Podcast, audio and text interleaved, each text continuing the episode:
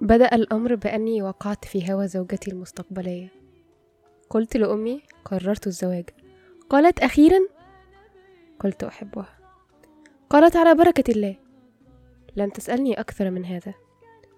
ربما فرح قلبها أن هناك مخلوقة غيرت رأيي في الزواج وأنها ستفرح بي أخيرا. المهم أنها لم تسألني عن تفاصيل. مر الزمن وسافرت إلى بلد حبيبتي. وكتبت الكتاب. صارت زوجتي على سنة الله ورسوله.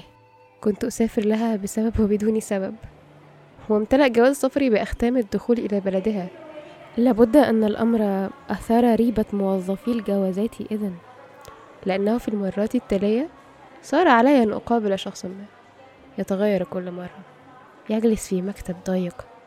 دائما يدخن. يتناول من يدي وثيقة الزواج ويتفحصها. ثم يتفحصني. ويسألني عن الأمر كله من هي؟ لماذا تزوجنا؟ كيف تعرفنا؟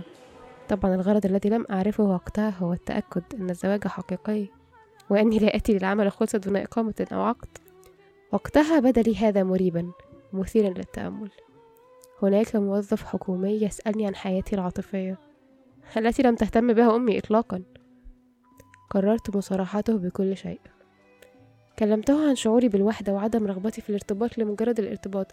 حكيت له عما حدث في قلبي حينما رأيت أهم صورة في العالم.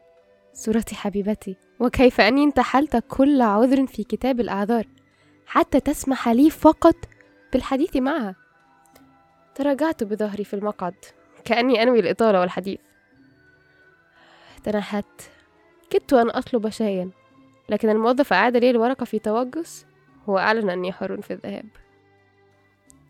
الآن لا أسافر بدون زوجتي ولا يسألني أحد عن شيء. وصرت أفتقد اهتمام الموظفين بي وأقول لزوجتي ونحن نعبر بوابة المطار أن الاهتمام لا يطلب دون أن تفهم السبب في كل مرة. بلا عقدي وضيعي في خطوط يدي. أحبيني لأسبوع لأيام لساعات فلست أنا الذي يهتم أحبيني أحبيني أحبيني أحبيني أحبيني أحبيني